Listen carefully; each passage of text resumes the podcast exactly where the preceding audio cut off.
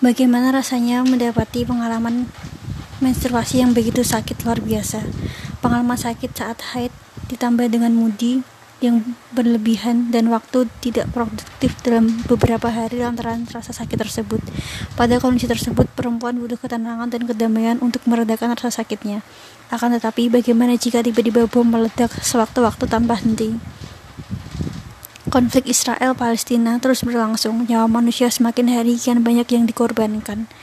Beberapa di antaranya yang dilansir dari berbagai media, ada perempuan hamil yang meninggal akibat ledakan, ada pula perempuan yang menyusui, perempuan yang sedang mengalami pengalaman perempuan pengalaman perempuannya di tempat yang tidak aman.